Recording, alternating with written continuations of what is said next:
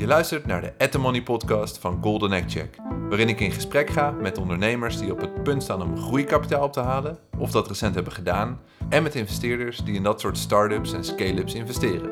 Ik ben Thomas Mensink, ik analyseer al zo'n 10 jaar het Nederlandse start-up en venture capital ecosysteem en vandaag spreek ik met Anke Huiskes, oprichter van Aletta Angels en entrepreneur in residence bij Intellectual Ventures.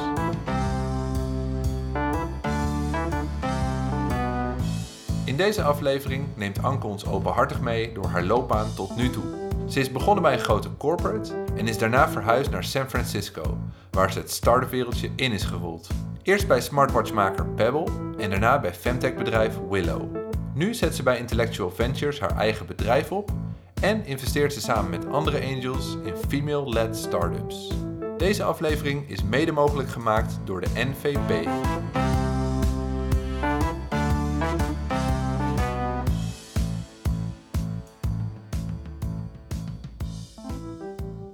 Hi, ik ben uh, Anke Huiskes. Ik ben de founder van Aletta Angels, een angel investment collective. Cool, ja. Ik vind het superleuk om met jou uh, te praten, Anke, want wij uh, we kennen elkaar al een tijdje natuurlijk. Wij we hebben allebei gestudeerd aan de Universiteit Twente. De meest ondernemende universiteit van Nederland, onlangs voor de vierde keer ja. bekroond. En ik heb zelfs nog een tijdje voor jou gewerkt ook. Ja, goede oude tijd. dat was ook je eerste bedrijf volgens mij. Kun je ons even meenemen door ja, waar je toen stond en, waar je eigenlijk nu, uh, hoe je hier bent gekomen waar je nu staat. Ja, ja dat is wel een hele tijd terug natuurlijk. Uh, waarbij ik een, uh, een klein consultancy bureautje had in Enschede. Salt and Pepper heette dat toen. Waarbij wij eigenlijk studenten koppelden aan MKB in Twente en dat weer koppelden aan professoren. Om kleine onderzoekstrajecten te doen. En eigenlijk was het best simpel. Wij deden onderhandeling met het MKB uh, schreven een onderzoeksvoorstel en zochten dan een geschikte student, zoals jij, talent, uh, die het uh, onderzoek uitvoerde. En een mentorsysteem met professoren, zodat wij ook de kwaliteit konden waarborgen. eigenlijk daaruit geleerd dat ik het super leuk vond om dat hele commerciële traject op te pakken. En ehm, dat wist ik eigenlijk al een beetje vanuit mijn familie, want mijn vader is ondernemer, mijn broer, mijn ooms. dus de stap voor mij om dat te beginnen was wellicht kleiner dan de gemiddelde persoon. Ja. Uh, fast forward, uh, uiteindelijk besloten om dat uh, niet door te zetten nadat ik mijn studie had afgerond. Mm -hmm. ik ben toen begonnen bij Procter Gamble in Rotterdam in verschillende commerciële rollen. de laatste rol was ik verantwoordelijk voor personal beauty care, dus Ola's, Max Factor, mm -hmm. in wat landen in Europa. En toen eigenlijk de mogelijkheid gekregen om met Remco, mijn man, naar San Francisco te verhuizen. Ja. Want hij had toen een bedrijf, Distimo, met een kantoor in San Francisco. En eigenlijk wilden ze dat verder uitbreiden. En na bijna zes jaar Procter Gamble dacht ik, uh, let's try it. Mm dus we zijn toen letterlijk met twee uh, koffers die kant op gegaan. zonder dat we eigenlijk enigszins een plan hadden. en daar is eigenlijk het balletje gaan rollen hoe ik vanuit FMCG in de techwereld ben beland. Mm en daar zitten we nu al, ja, dit is het zevende jaar. Dus ja, want ik kan me herinneren dat je zei van we gaan twee jaar en dan komen we weer terug. Ja, dat is dus niet gebleken. Ik denk uh, dat het... Uh, allereerst denk ik, de keuze om daar naartoe te gaan is makkelijker dan de keuze om nu weer terug te gaan naar Nederland. Ja, waarom is dat zo? Ik denk, uh, want toen dacht ik, wat is het ergste wat me kan gebeuren? we gaan het proberen. Mocht het nou niet lukken en ik na een half jaar niet aan de grond kom. Mm -hmm. Want ik ben wel heel ambitieus en ik wilde daar zeker niet als de wife af ja, aan rommelen. Ja. Dan kun je altijd terug. En we hadden ons huis in Utrecht aangehouden. Nu, dus bijna ja, zeven jaar verder heb je een, heel, een hele community opgebouwd met mensen die ons heel uh, ja, uh, nier en dier naar ons hart zijn. Uh, een, zeg maar carrière technisch gezien twee, twee mooie paden. Onze kinderen zijn daar geboren. Dus nu laat je toch echt wel heel wat achter. wil je weer die stap terugmaken. En met word je terug, denk ik, naar Nederland. dus ja, dat blijft denk ik een lastig dilemma voor heel veel mhm. mensen die in het buitenland wonen. Ja, maar je zegt terug, maar voelt het dan ook echt alsof je zeg maar carrière-wise dan teruggaat. Dus, ja. Uh, en dan heb ik het ook een beetje over het ondernemerschapslandschap in, in Nederland bijvoorbeeld, uh, of Europa dan. Uh, maar zie je dat als een, als, als een, een treetje lager?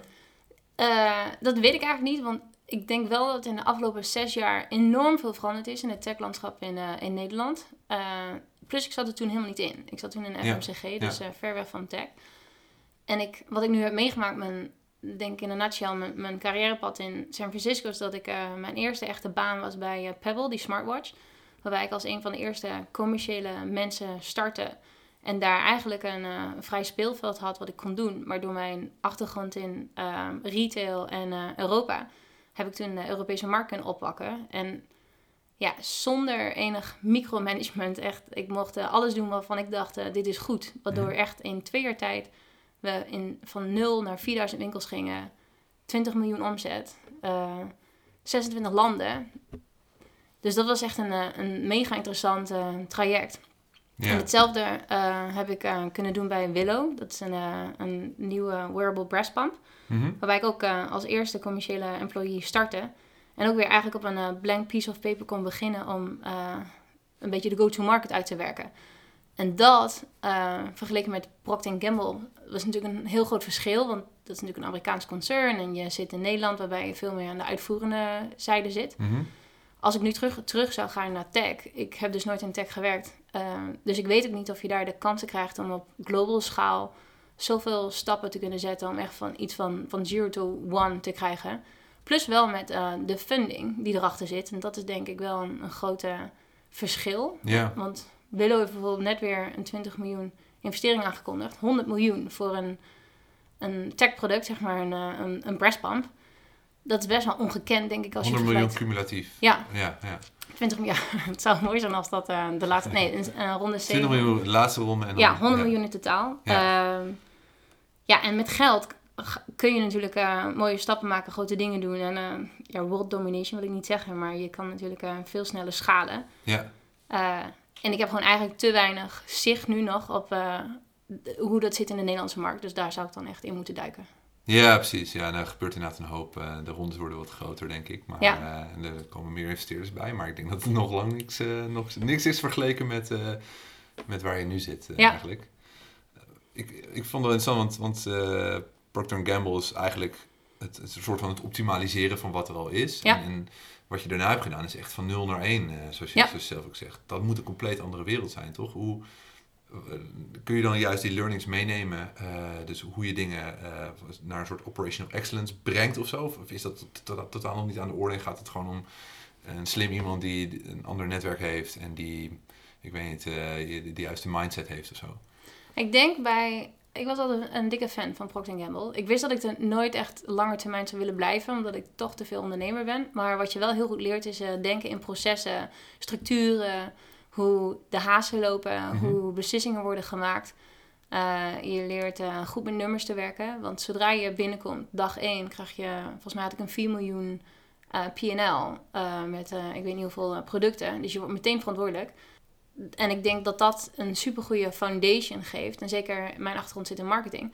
Voor iemand eh, om echt een business te kunnen runnen. En ook, eh, je krijgt heel snel people skills. Want ehm, aan het eind zat ik dus, was ik teammanager met een multidisciplinair team. Van finance, van supply, van marketing, account managers. Dus je leert ook eh, ja, de good en de bad things van people management. Ja. Ehm, en ik denk dat die foundation heel goed is om vervolgens...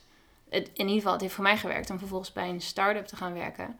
Eh, en daar juist, eh, ja, bij Procter had ik een heel groot budget. Bij Pebble had ik geen budget. Mhm. Dus je wordt daar wel veel creatie- creatiever.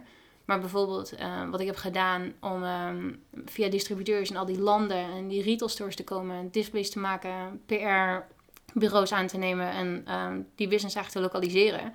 Ik denk dat ik 50% van mijn kennis echt wel vergaard heb door mijn tijd bij Procter. Hmm, Oké, ja. Ja, en vanaf daar dus naar Willow, wat weer hardware was. Wat dus eigenlijk ook wederom, denk ik, mijn retail-ervaringen eh, bij hielp. Mhm. Maar ook wel weer met software, want het, is, het werkt natuurlijk met een app, Bluetooth. Ehm, dus eh, hoe zo'n team is opgebouwd met firmware engineers, software engineers, hardware engineers. Ehm, en data werd een veel belangrijke rol, wat ik ook zag bij Willow. Dus langzaam ga ik volgens mij iets meer, kom ik iets verder af te staan van, van eh, waar ik initieel ben begonnen. Ja. Door denk ik de, de route die ik nu aan het eh, lopen ben. ja, precies. Ja. Eh, ja. Hoe ben je in die... Want je kwam eigenlijk dus zonder baan eigenlijk in, in San Francisco terecht. Ja. Hoe ben je die start-up scene ingerold dan eh, daar? ja, nou dat is een interessant verhaal. Want in alle eerlijkheid dacht ik, ik heb een goed stel hersens. Ik, ik heb bij een Amerikaans bedrijf gewerkt. Die mensen zitten op mij te wachten. Na 80 sollicitatiebrieven verder En geen reacties. Misschien een 80. paar. Ja, nee, echt meer denk ik nog. En geen reacties misschien van dankjewel, we hebben je brief ontvangen.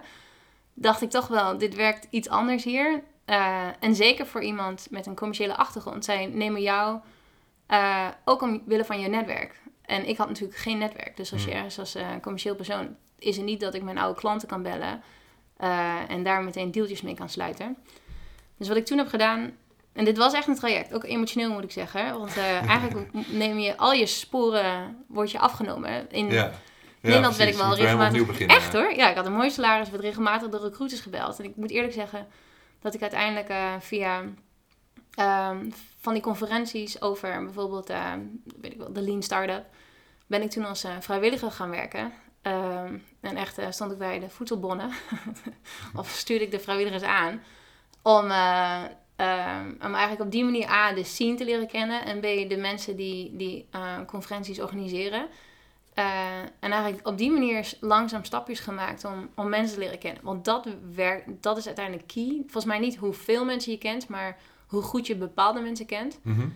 Eh, en daar heb ik extreem veel tijd in gestopt. De eerste jaar, of de eerste zes maanden zat ik, eh, ik denk vijf keer in de week, zonder te overdrijven, bij een of andere meetup. Hmm. Of nou over AI, of over food tech, of over eh, hardware. Om ook een beetje te bedenken, oké, ik wil iets anders doen, maar wat wil ik dan gaan doen? En ook, ehm, ehm, ja, hoe lopen de hazen hier? En ik, mijn formule was een beetje voor elke twintig mensen die ik sprak, was er eentje die me verder hielp. Eh, en waar ik echt iets aan had. Mhm. Eh, of als eh, potentiële vriend of een ingang tot een ehm, partij waarmee ik graag wilde praten. Ja. En uiteindelijk ben ik via een Nederlander, Martijn, binnengekomen bij Pebble. Mhm. Bij Willow ben ik binnengekomen via mijn oude manager bij Pebble. Ben ik weer bij Willow terechtgekomen. En nu van Willow, want ik werk nu voor een investeringsmaatschappij in Seattle, Mhm. Intellectual Ventures.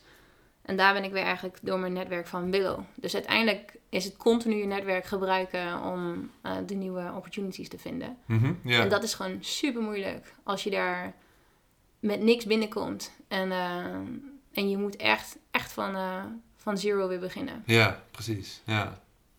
Geinig. En hoe, hoe kwam je bij Pebble aan dan? Want dat is je eerste echte start-up waar je... ehm, eh, nou, die ook voor mij redelijk bekend is geworden. En ik weet niet Ja. of het super succesvol is afgelopen, maar eh, dat had wel een naam, toch? Hoe, Ja. hoe- waar, waar stond jij toen, toen, ze, toen, je, toen je binnenkwam? Of waar stonden zij bedoel ik, toen jij binnenkwam? Ja, toen hadden zij net, eh, de eerste Kickstarter-campagne was geweest, dus die 10 miljoen. En wij, toen ik binnenkwam, waren we ongeveer bezig met de tweede Kickstarter-campagne. Volgens mij was dat toen 23 miljoen.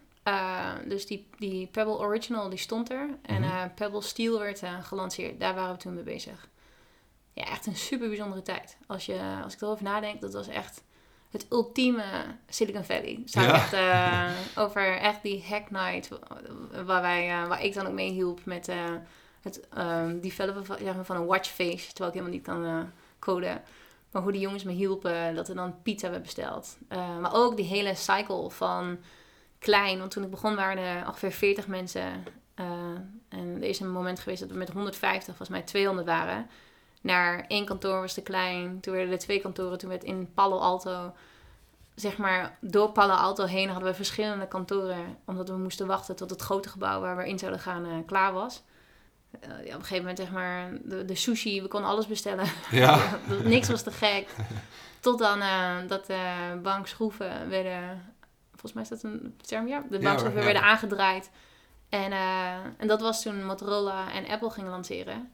Ehm, Ja, dus jullie zaten eigenlijk voor, Ja. voor in de markt, hè? Ja. Toen kwam de concurrentie om de hoek kijken. Ja, en dat was wel eh, pittig. En ook, ja, ik, ik lach nu, je kan me niet zien, maar die tijd dat ik ook met mijn rugzakje naar IFA, dat is dan die grote tech show in, ehm, in Duitsland, of naar CES, met echt zero budget kwam ik daar, ehm, daar zeg maar met die Europese distributeurs en, en retailers sprak ik af. En dan naast mij ongeveer, ja, Samsung sponsorde, sponsorde ongeveer die complete show. Dus ik was echt een enorme underdog. ik dacht, wat doe ik? Zeg maar, dus eh dat was echt nul budget. Maar toch, mensen vonden het een fantastisch eh, merk. Eh, het product zelf was extreem goed voor een hele lage prijs, voor 100 dollar. Lange batterijleven. Dus ik, het had ook heel veel dingen voor zich. Alleen we ja. hebben net de boot gemist, denk ik, marketing sales. Het is niet als je product goed genoeg is, dan verkoopt het zichzelf. Nee, ja. Eh, uiteindelijk moest er gewoon meer marketing eh, geld in. eh, om een grotere doelgroep aan te spreken dan die initiële early adapter. En daar hebben we niet gewonnen van, van die grote giants. Ja, Ja. nee, je moest, ja, precies. Want het product was zo nieuw. Je moest eigenlijk de hele markt nog, nog onderwijzen. En Ja. daar heb je budget voor nodig dan, Ja. denk ik. Ja. Maar wel een fantastische ervaring. Ja. En toen heb je de overstap gemaakt naar, naar Willow dus. Ook weer een consumentenpropositie, maar voor het eerst ook een beetje die eh femtech kant. Hè? Ja. Hoe ben je daarbij terechtgekomen dan? Niet, niet zeg maar, ja, we weten via iemand, Ja. maar waarom? Zeg maar, wat, wat is de reden dat je dacht van, nou, nu ga ik, weer, eh, ga ik me weer op een ander avontuur eh, storten? Ja, dat is een, een beetje een persoonlijk verhaal. Want eh, toen die tijd ben ik, eh, toen ik bij Pebble zat, eh, moeder geworden van Dex. En Dex was eh, met 33 weken te vroeg, zeg maar, dus 7 weken te vroeg geboren. En ehm, hij zat in de NICU, in de incubator, in het ziekenhuis. En ehm, eh, nou, je kan dus niet 24 uur per dag eh, bij hem zijn. En wat ze toen zeiden in het ziekenhuis, van eh, het is heel belangrijk voor zo'n premature kindje dat, dat je borstvoeding op gang komt. Want ehm, borstmelk heeft heel veel goede ja, werkstoffen Mhm. voor kindjes. Vooral voor premature kindjes zit schijnbaar meer vet in en proteïne. dus nou, daar ging ik dus volop in. En dat is eigenlijk ook de eerste keer dat ik een eh, kolfapparaat in mijn handen geschoven kreeg. Dat ik echt dacht, wat, eh, wat is dit? Want bij Pebble waren we bezig dat je op een knopje drukte en pizza kon bestellen. En Ja. ik zat hier met zo'n gigantisch apparaat dat ik echt dacht, dit is een, dit is een grap. industrieel ding bijna. Ja. Dat, ja. En, eh, en omdat Dex dus te vroeg geboren was, zat ik echt zeven, dagen, zeven keer per dag aan dat ding gekluisterd. En ik werd ook een fanatiekeling. Dus toen ik terugging naar werk, naar zes maanden, eh, en weer eh, veel moest reizen naar Europa, werd dat ding ook overal mee naartoe gesjouwd. En kwam ik er ook achter hoe moeilijk het is om plekken te vinden. Eh, want je wil wel eh, meer in een privéomgeving, want je bent eigenlijk compleet naakt. En toen dacht ik, dit kan echt niet. En toen had ik het eigenlijk mijn persoonlijke missie gemaakt om zelf een kolfapparaatbedrijf te beginnen. En dat ben ik toen tegen mensen gaan zeggen. Van, dit is echt zo eh, bizar. Eh, ik ga hier aan werken. En toen eh, heeft iemand mij dus voorgesteld aan ehm, de founder van Willow. Ehm, en toen was het mega in beta. Dus dat was nog helemaal niet bekend wat het product precies gaan- ging worden. En toen ben ik dus ehm, als eerste commerciële employee gestart toen er een prototype was wat met moeders getest ging worden. Ik heb het zelf toen nooit gebruikt, nu met mijn tweede kindje wel. Maar toen zag ik wat voor een enorme ja, probleem het oploste voor die moeders. Zodat ze niet meer eh, heel veel dingen hoeven te missen, omdat zij weer toevallig in zo'n donker kamertje in een eentje moeten gaan zitten.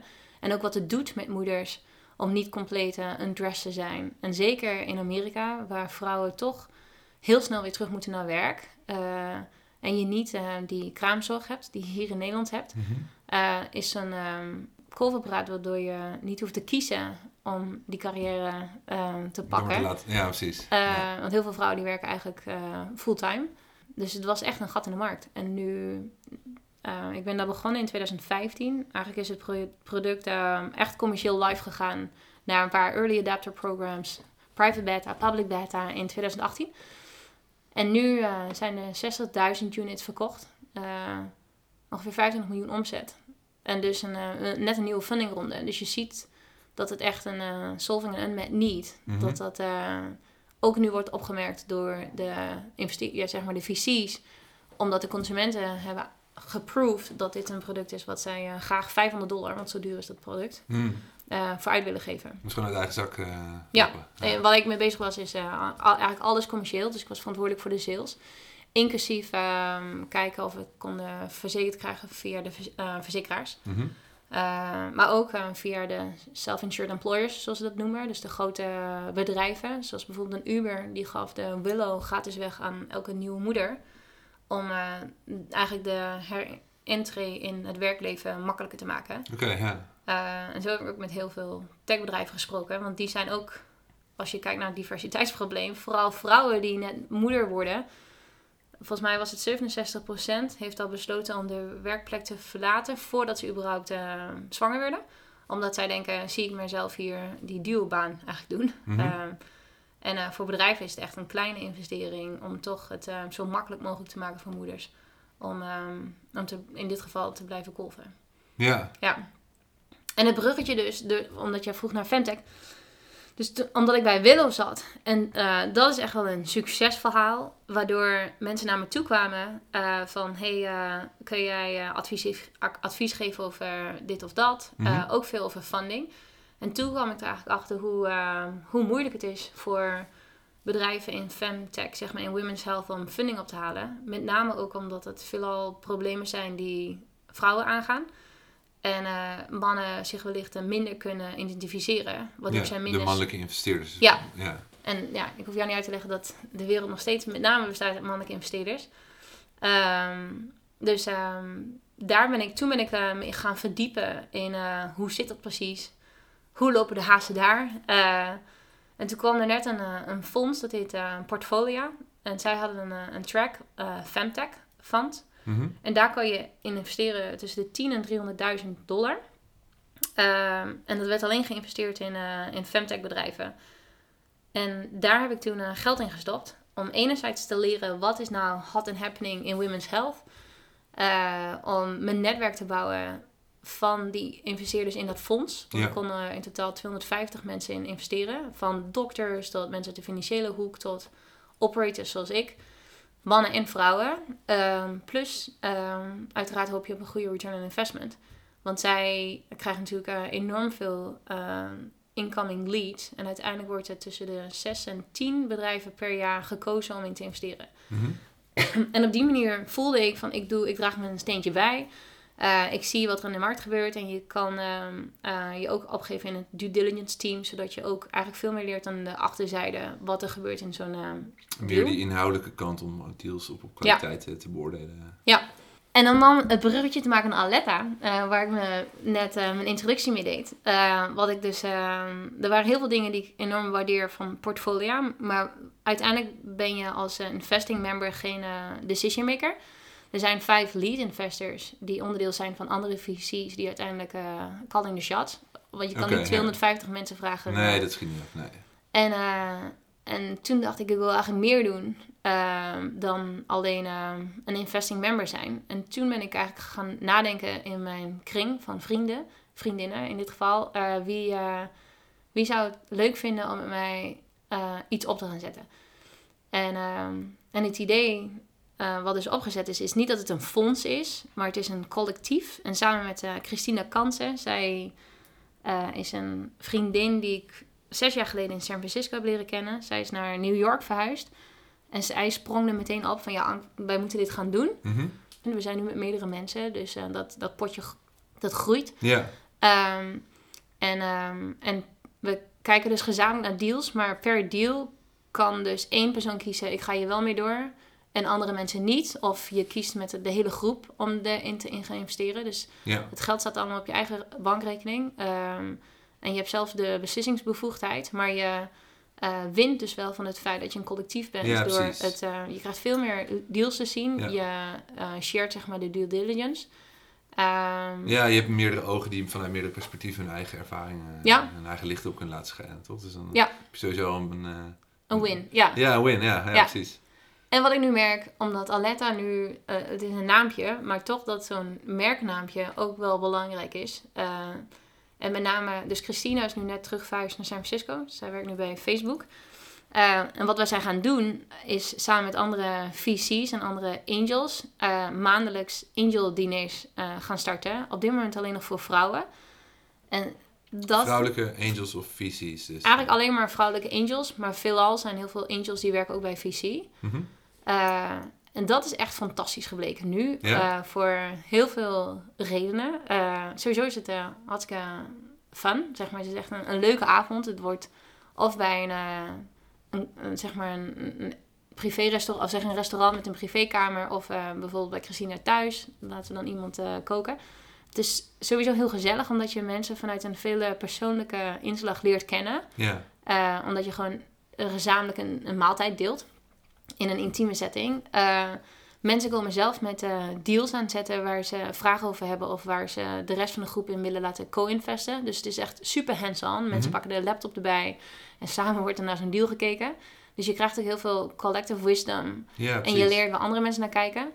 Uh, plus, uiteindelijk is het ook qua netwerk. Want wat wij nu kunnen bieden met Aletta voor de bedrijven waar wij wel of niet investeren, is uh, ingang in andere, naar andere angels, maar ook uh, naar andere VC's. Want dat is uiteindelijk natuurlijk iets wat heel lastig is als angel investor. Dat je initieel kan investeren. En wij investeren heel vroeg, dus pre-seed en seed. Mhm. Um, maar dat wij wel dus een, kunnen helpen met de introducties naar andere partijen die wellicht een betere match zijn. Of die een follow-up kunnen doen. Of, ja. Uh, ja, precies. Dus je, je biedt ze niet alleen de, de, de, laten we de operator kennis. En, Ja. en misschien ook andere expertise die, die jullie bezitten. Maar ook dus de, de funding lifecycle. Daar, heb je toeg- daar bied je toegang toe eigenlijk. Ja. Met eh, vervolg eh investeerders en anders gewoon het netwerk die, eh, die daarbij betrokken zit. Ja. Cool. En wij zijn, eh, Aletta is nu nog heel klein. Eh, we hebben grote ambities. Eh, als ik nu al zie, zeg maar, wat voor een impact we kunnen hebben voor die angels. Ja. En ook eigenlijk voor die female, zeg maar, sorry, voor de founders, maar ook voor de angels. Want dat is ook echt een hele wereld die best wel intransparant is. Wie zijn dan die angels? Ja, dat, ja, En, dat, is, dat en- is dus daar ook zo. want dat is Oh ja, dat, absoluut zo. Ja, en nu komen er wel steeds meer lijstjes waar die angels dan Ja. op staan. En iemand die gisteren geen angel was, wordt er morgen dus wel misschien eentje. Want dat zie ik nu bij die diners. Wij nodigen zeg maar de harde kern uit. Zeg vier mensen. Als je zelf niet kunt, dan, ehm, dan moet je iemand eh, een vervanger sturen met dezelfde eh, profiel eigenlijk. Dus iemand die wel een accredited investor is. En eh, sommigen die, die moeten nog een eerste check schrijven. En anderen hebben er al 40 gedaan. Of die doen het zelfs fulltime. Maar op die manier heb je dus ook een hele leuke wisselwerking. Dat, daarom zei ik ook iemand die gisteren geen angel was, mogen we het misschien wel. Dus heel veel, en vooral, dat zie ik nu in San Francisco, heel veel vrouwen willen starten, maar ze weten niet zo goed waar. En ze vinden het ook een beetje spannend.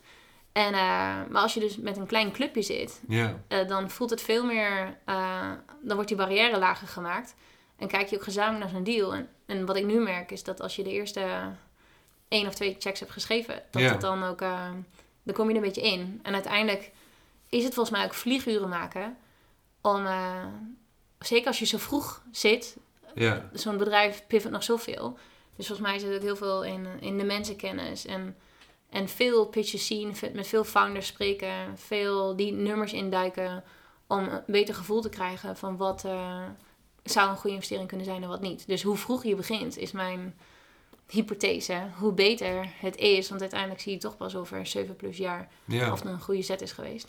Daar was ik nog wel benieuwd naar, want in, eh, laat zeggen equity, want je investeert equity denk ik dan toch?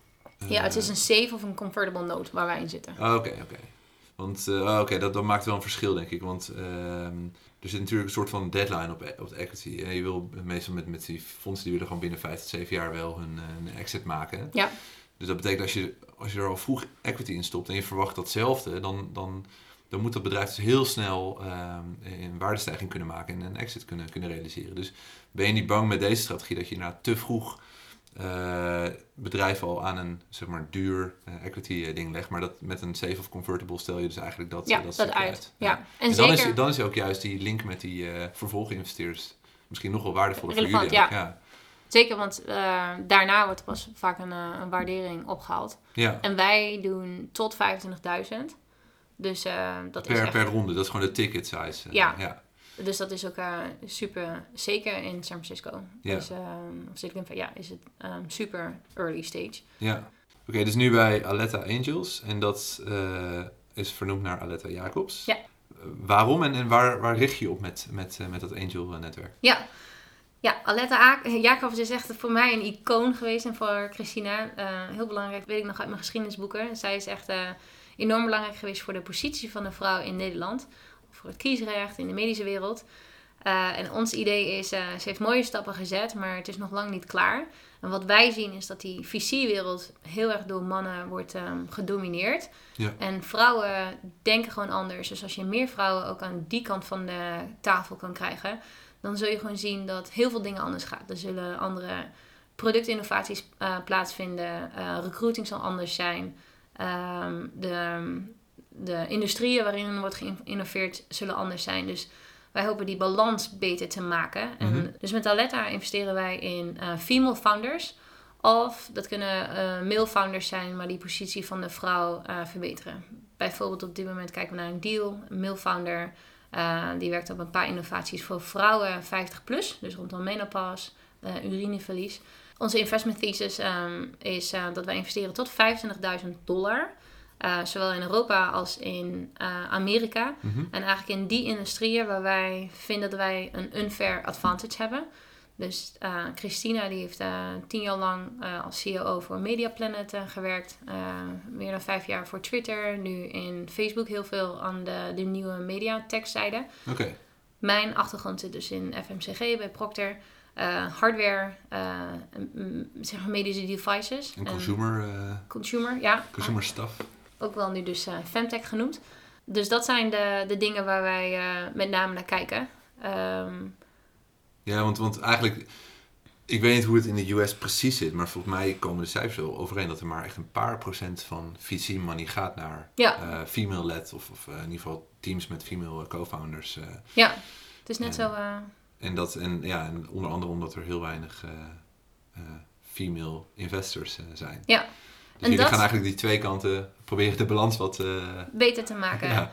En volgens mij, want uh, wij zijn dus echt zeg maar groundwork aan het doen. Want uh, wat ik uh, zo mooi vind aan Aletta is dat wij ook andere mensen mobiliseren om in te stappen. Om eigenlijk het kapitaal wat ze hebben risicovol te investeren in die bedrijven waar zij meer van willen zien in de wereld. En voor ons is dat, ik heb je net mijn investment thesis uitgelegd, maar als ik nu kijk binnen mijn netwerk van andere female investors, sommige mensen zijn gigantisch gepassioneerd over uh, meer environmental solutions of meer social impact investing. Mhm. Dus eigenlijk uh, invest in the change you want to see in the world. Mm, ja. En, um, en dat je dus, uh, in Amerika moet je dus wel geaccrediteerde investor zijn. Wat um, betekent dat je aan bepaalde criteria moet voldoen. maar uiteindelijk is het ook een muscle trainen, waarbij mensen, volgens mij, als jij naast iemand zit die het ook doet, waardoor je geïnspireerd raakt van, ah, dus zo werkt het. En B, als jij het kan, dan kan ik het ook. En dat um, zien we nu met Aletta, met bijvoorbeeld die diners die we organiseren. Dat we die groep van female angel investors steeds groter wordt. Wat echt een. En die mensen die komen dan weer uh, terecht bij grotere VC's. Waardoor um, ja, dus langzaam volgens mij die shift plaatsvindt. Ja, en je bent natuurlijk de funnel voor VC's aan het vullen als het goed is met... Uh, VC-partners. Ja, nee, maar ik bedoel ook met, met dus companies die juist uh, ja. misschien nu ondervertegenwoordigd zijn in de portfolio's ja. van, van VC's. en die het wellicht helemaal niet uh, zouden redden. Ja. Uh, en nu wel het daglicht zien. Cool, en, en de angels die bij jullie collectief aansluiten, dat, zijn, dat hoeft niet per se ervaren angels te zijn, toch? op dit moment wel, want op dit okay. moment uh, focussen we heel erg op uh, voldoende dealflow, om ook uh, kwalitatief de groei Ja, dus je moet dealflow mee kunnen nemen ja, naar de tafel. dus op dit moment is dat wel een criterium. Ja. maar als wij kijken naar de toekomst, dan willen we dat niet meer als nummer één criterium hebben. En een netwerk en of iemand een leuke persoon is om mee te werken. Maar juist ehm, democratiseren, zodat mensen die niet in de scene willen uh, zitten, maar daar wel uh, aan willen snuffelen en ook uh, putting the money where the mouth is, om die mensen eigenlijk met ons mee te nemen en zodat zij ook de dealflows zien, zodat zij ook de pareltjes voor hun eruit kunnen pikken. En zij op die manier ook onderdeel worden van het systeem en ook weer hun vrienden kunnen introduceren om aan te sluiten. Zodat het eigenlijk minder blijft hangen in zeg maar de 98% hmm, yeah. club van uh, ja, het, het, stereotype man. Precies. Uh, want uiteindelijk is het beter voor de business en echt voor de wereld. En ik, ik, was verder nog benieuwd, want uh, het viel me op, jij zit ook bij de bedrijf waar je hebt gewerkt, zit je een aantal jaar. Ja. En, en, met een aantal bedoel ik dan twee of drie of zo voor mij gemiddeld. Ja. Um, als ik dat vergelijk met Nederlandse bedrijven, Nederlandse personen die dan bij, bijvoorbeeld bij een start-up werken, maar gewoon überhaupt dan zit ze veel langer op, een, op dezelfde positie. Ja. Kun je uitleggen, zeg maar, waar, ja, voor, jou, maar misschien ook, wat zijn je observaties? Waarom doen mensen dat uh, daar? Waarom, waarom hoppen ze zo snel? Ja, ja dus, zijn en dat ze is ook een... loyaal of zit er een andere incentive achter? Ik denk verschillende dingen. Eén is dat uh, de Bay Area is ook echt een snoepjeswinkel. Als je ziet wat voor enorm interessante bedrijven daar zitten. In welke space je ook werkt. Dus je hebt best wel vaak FOMO, denk ik, als je bij een bedrijf werkt. Van, uh, zit ik echt wel bij de winnaar? Moet ik niet naar een ander bedrijf? Ja. Dus dat is één. Uh, twee is, denk ik, uh, Amerikanen zijn toch meer gebrand op geld. En elke keer als jij een andere stap maakt, dan, vooral in de Bay omdat het extreem competitief is, zit er vaak ook een, een signing bonus aan. En je onderhandelt gewoon weer voor een beter salaris. En niemand accepteert een salaris Ja. eh, liefst. eh, waarbij je een stap terug doet. Dus eh, eh, je schiet gewoon enorm omhoog met eh, wat je verdient. Door eigenlijk inderdaad elke twee, drie jaar ja. eh, door te stomen. Plus, eh, wat mensen volgens mij, wat ik ook wel zie, is dat mensen eigenlijk ook een risico spreiden. Of de, eh, de kansen verspreiden in elke... Als je puur kijkt naar vesting, vaak is vesting over een vierjarige periode, waarna het eerste jaar een cliff is. Zodra ze de eerste jaar hebben voltooid, ja dat, dat vesting is dat je aandelen in het bedrijf verwerft. Ja. Ja. Eh, dus je moet daar minimaal een jaar hebben gezeten, wil Ja. je daar even een vierde van krijgen. Mhm. Dus voor die mensen die echt heel erg op het geld ehm, zitten en zij zien naar jaar één dat de concurrent het beter doet, dan zullen ze daar misschien eh, eh, sneller naartoe stappen om daar weer een grotere kans op dat grote succes te krijgen. ja. En dat is natuurlijk wel in de Bay Area. Dat je, je hebt er alle succesverhalen van de Uber, van de Twitter. dat mensen ook een beetje... Ik zit te denken naar het juiste woord. Maar hongerig is niet het juiste woord. Maar mensen zijn wel echt gebrand om bij het rocket ship te belanden. Omdat iedereen... Je ziet, je vrienden zitten ook in een eh, multimillion eh, dollar huis. ja. eh, rijden in mooie auto's. Niet, Dus je maakt elkaar een beetje gek ook. misschien wel een beetje, ja. ja. En, ja, en ik denk, daar zit misschien ook alweer de, de Nederlandse nuchterheid. Hoe goed we het eigenlijk hebben in Nederland. Want het hele systeem is gewoon anders opgezet. Je hebt daar niet... In Nederland heb je niet, ik weet niet hoeveel geld nodig om naar een goede school of naar een goede universiteit te gaan. Of ehm, eh, gezondheidsvoorziening. En het is veel meer een verzorgingsstaat. Waar je in Amerika veel individualister, individualistischer. Dus jij moet het doen. Mhm. Uh, en zeker als je een gezin begint en je wilt je kinderen ook naar een, een goede school. Nou, dat kost klauwen met geld. Dus je hebt er ook veel meer geld nodig. Wil je, en zij uh, zien vaak geld is succes, is uh, gelukkig. Dus er worden gewoon andere keuzes gemaakt om geluk na te streven. Wat ik uh, echt een verschil zie hoe laid back, als ik kijk naar mij en Remco, hoe wij uh, erin staan.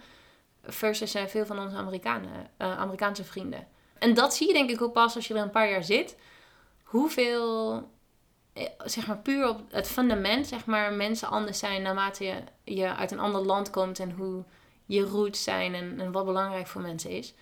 Maar uh, ja, dat is echt... Maar zou dat iets zijn wat je, wat in Nederland, ja, ik weet los van de cultuur, maar zou, zou je dat moeten willen dat je sneller, uh, sneller vest, sneller uh, ik weet niet, dat je dat, dat ook de, de, hele lifecycle van een bedrijf, daar heeft denk ik ook weer mee te maken. Want die, die is gewoon sneller, denk ik, in, of korter dus eigenlijk in, in de US. Dus ja. je, je, gaat sneller van een start naar een exit. Er valt ook sneller een buiten verdelen. Dus het is misschien logisch om na een tijdje ergens weer weg te gaan, omdat je dan weer de volgende sprong kan maken met ja. het volgende bedrijf. Terwijl in Nederland duurt het misschien ook langer om op te gaan en die uh, waardesprong te, te, hebben gecreëerd, zeg maar. Dus ik, zou dat iets, wat kunnen wij leren eigenlijk als Nederland van uh, de US en dan met name de Valley. Ja, nou nogmaals, ik heb dus nooit in Nederland bij een tech startup gewerkt. Dus ik weet, en bij Procter zat ik uh, iets meer dan vijf jaar. Dus ik heb niet alle inzichten. Maar wat ik wel denk is dat je, als jij veel bedrijven, sowieso ben ik zeg maar in de basis, als je ergens zit waar je niet meer lekker op je plek zit voor een langere tijd, dan vind ik echt dat je verder moet gaan zoeken. Want het leven is veel te kort om je tijd te verdoen bij een plek wat je niet meer stimuleert en motiveert. En dus dat. Um, en ik denk dat Nederlanders misschien conservatiever zijn dan de risiconemende Amerikaan. Uh, afgezien daarvan denk ik, als jij dus meerdere bedrijven hebt gezien, dan leer je wel heel veel. Als ik alleen al kijk naar bijvoorbeeld de systemen die mensen gebruiken. Als jij uh, bij het ene, ik noem bijvoorbeeld, als wij de ene start-up Asana hebben gebruikt en dat werkte supergoed. En je gaat naar een volgende start-up waar ze nog een veel verouderde tool gebruiken. Dan kun jij daar je nieuwe Asana introduceren. Waardoor die tweede start-up waar je nu zit ook veel efficiënter gaat werken. En ja. zo komen allemaal mensen, uh, employees met uh, verschillende dingen die goed werken bij een ouder bedrijf. Mhm. Waardoor je denk ik ook sneller uh, de nieuwste tools en, en misschien ook een efficiëntere op KPI's gerunde companies krijgt. Waardoor misschien ook die, wat jij het hebt over lifecycle, dat allemaal sneller gaat. Plus denk ik dat fysiek klimaat hier, dat zit er ook bovenop. Dus als je gefund wordt door zo'n top-tier investor, investment firm, die zorgt dan wel echt dat jij ook snel je milestones haal, haalt. En wat je volgens mij steeds meer ziet, is dat die VC's zelf, zelf ook uh, experts in huis hebben op bepaalde vlakken die dan met je meedraaien voor een dag per week of ja, op meer op operationeel vlak. Ja. ja, ja. Waardoor je ook snellere slagen zal maken. Plus de concurrentie zit in je achtertuin. De- en ik denk dat dat ook wel... eh, het competitieve landschap is volgens mij heftiger. Mhm. Waardoor je ook wel sneller gaat lopen. Mhm. Eh, en wat goed is, denk ik. Eh, plus, ik denk misschien ook wel de werkmentaliteit. Waar Nederlanders... eh, nu weet ik niet of dat een goed of slecht ding is. Ik kan het ook heel erg waarderen. Eh, dat in het weekend eh, minder wordt gewerkt en, en de laptops dichtgaan. Eh, maar die Amerikanen zijn ook echt wel eh, meer de workaholics. Eh, Ja. En ehm, ook niet altijd efficiënt, denk ik. Maar, dus ik denk dat er verschillende redenen zijn waarom, ehm, waarom dingen wellicht sneller gaan. En ik denk dat er zeker wel punten zijn waar Nederland van kan leren. Ja, ja, maar ook als je aangeeft hoe je carrière samenhangt van introducties via je netwerk. En dat, Ja, ja. dat het ook weer samenkomt via die bedrijven waar je dus een, een eh, periode zit. En, Ja. eh, dat, dat, dat alleen al is een, is een reden om misschien wat vaker een nieuw netwerk op te gaan bouwen. Ja. Dat kan ook natuurlijk naast je, naast je, naast je baan, zeg maar. Maar dat, dat kan... eh, dat Zeker, gaat ja. tussen, ja. En zeker als je met mensen hebt gewerkt, dan voel je je veel comfortabeler om een introductie te doen. Omdat je weet, het is niet alleen een leuke vent. Maar eh, hij, kan ik niet over jou zeggen. vrouw, hij, of vrouw, ja, ja. Ik, ik kijk nu naar jou, Ja, ja. toen ik met jou Oh, werkte. Eh, maar hij levert ook heel goed merk af. Dus ik, ben, eh, ik voel me heel comfortabel om deze introductie te doen. Eh, ja. En eh, een gezegde wat ik wel vaak hoor is: eh, je net worth is je net work. En dat is wel een beetje zo. Ja. Eh, en ik denk voor mij, want ik ben natuurlijk niet technisch, dus ik moet het ook wel een beetje van die kant hebben. Wil je Hmm. voor de mooie dingen worden uitgenodigd in San Francisco? Ja. Hoe, hoe zie jij je eigen toekomst dan? Zie je die daar nog steeds? zie je ook dat, dat er ooit weer een keer licht gloort hier in Nederland? Maar ook, ook gewoon carrière-wise? Kan je dat al uitstippelen? Of, is dat echt iets wat, wat meer van opportunities aan elkaar hangt? eh? Ik denk van opportunities eh, aan elkaar hangt. Ik heb volgens mij nooit echt. eh, ik ben ambitieus, altijd geweest. Maar ik heb nooit een extreem recht pad in mijn hoofd gehad van dit wil ik doen. En, en ik denk ook dat dingen op je pad komen. Ik had natuurlijk nooit bedacht, tien jaar geleden, dat ik bij een kolfapparaatbedrijf zou gaan zitten. Eh, wat ik dus nu doe, wat ik door dat kolfapparaatbedrijf eh, via Willow eigenlijk eh, mijn netwerk zit ik dus bij dat Intellectual Ventures en dat is een, een fonds van eh, Bill Gates. Eh, en daar zit ik nu als entrepreneur in residence. Wat zij doen is dat zij, ze hebben verschillende takken. Eentje is bijvoorbeeld dat Global Good van Bill en Melinda Gates. En eentje waar ik aan gebonden zit is de ISF, In- Invention Science Fund. En zij koppelen patenten en IP aan ondernemers om te kijken of daar een viable business uit gestampt kan worden. En dat is een extreem interessant traject om heel veel verschillende redenen. En dit is ook iets wat ik eigenlijk alleen maar op dit moment hier kan doen in de VS. Die kans zou ik ook niet zo snel hebben gehad, denk ik, als ik in Nederland zou zitten. Mhm. En zodra dit soort opportunities nog op, ons, op mijn pad komen, eh, denk ik, het is nog niet, eh, ik ben nog niet klaar je- om terug te gaan. Je staat nog steeds in die snoepjeswinkel en er Ja. komen steeds meer nieuws. Er komen elke keer weer. eh, het is zo. Ja, het is wat dat betreft echt een walhalla.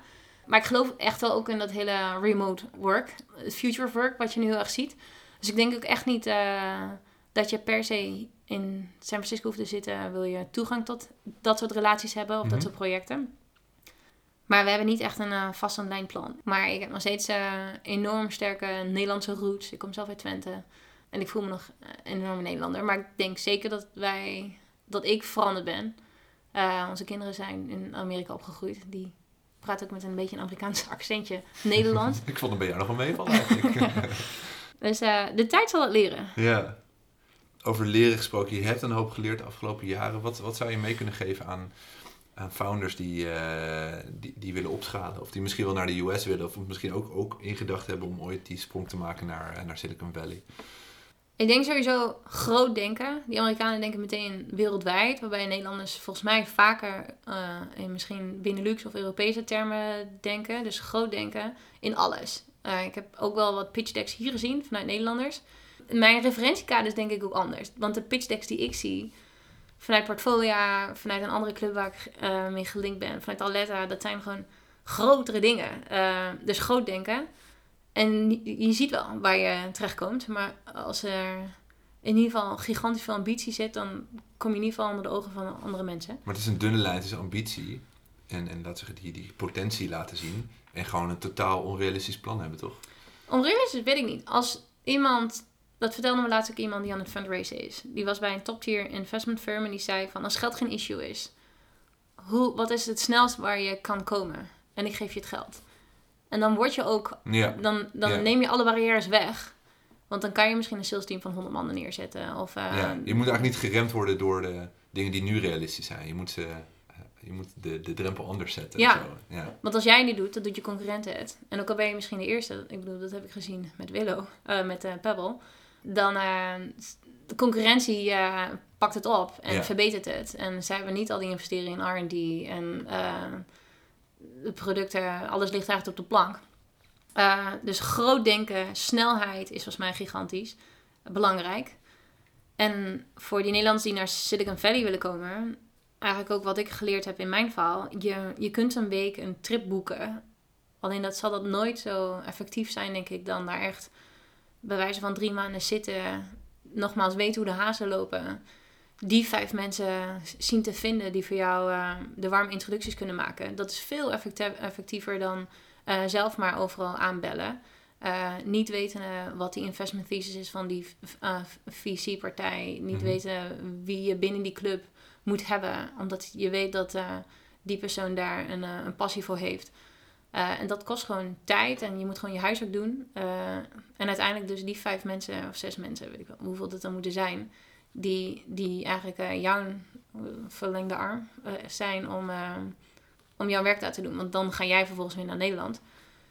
En ik denk dat ook heel veel VC's die in de VS zitten ook verwachten dat je daar in ieder geval een dependance hebt. Ehm, of wellicht je hele hoofdkantoor naar verplaatst. En ik denk echt dat het iets met je doet als je concurrent in je achtertuin zit. Dat de laid-backness eraf gaat. Omdat je ziet van shit, ze hebben weer 20 mensen aangenomen. Of shit, zij hebben een kantoor geopend in Azië. Of shit, zij eh, staan nu op deze beurs. Moeten sneller, sneller, sneller. Ja. En dat denk ik eh, dat, eh, dat goed is voor succes. Snelheid.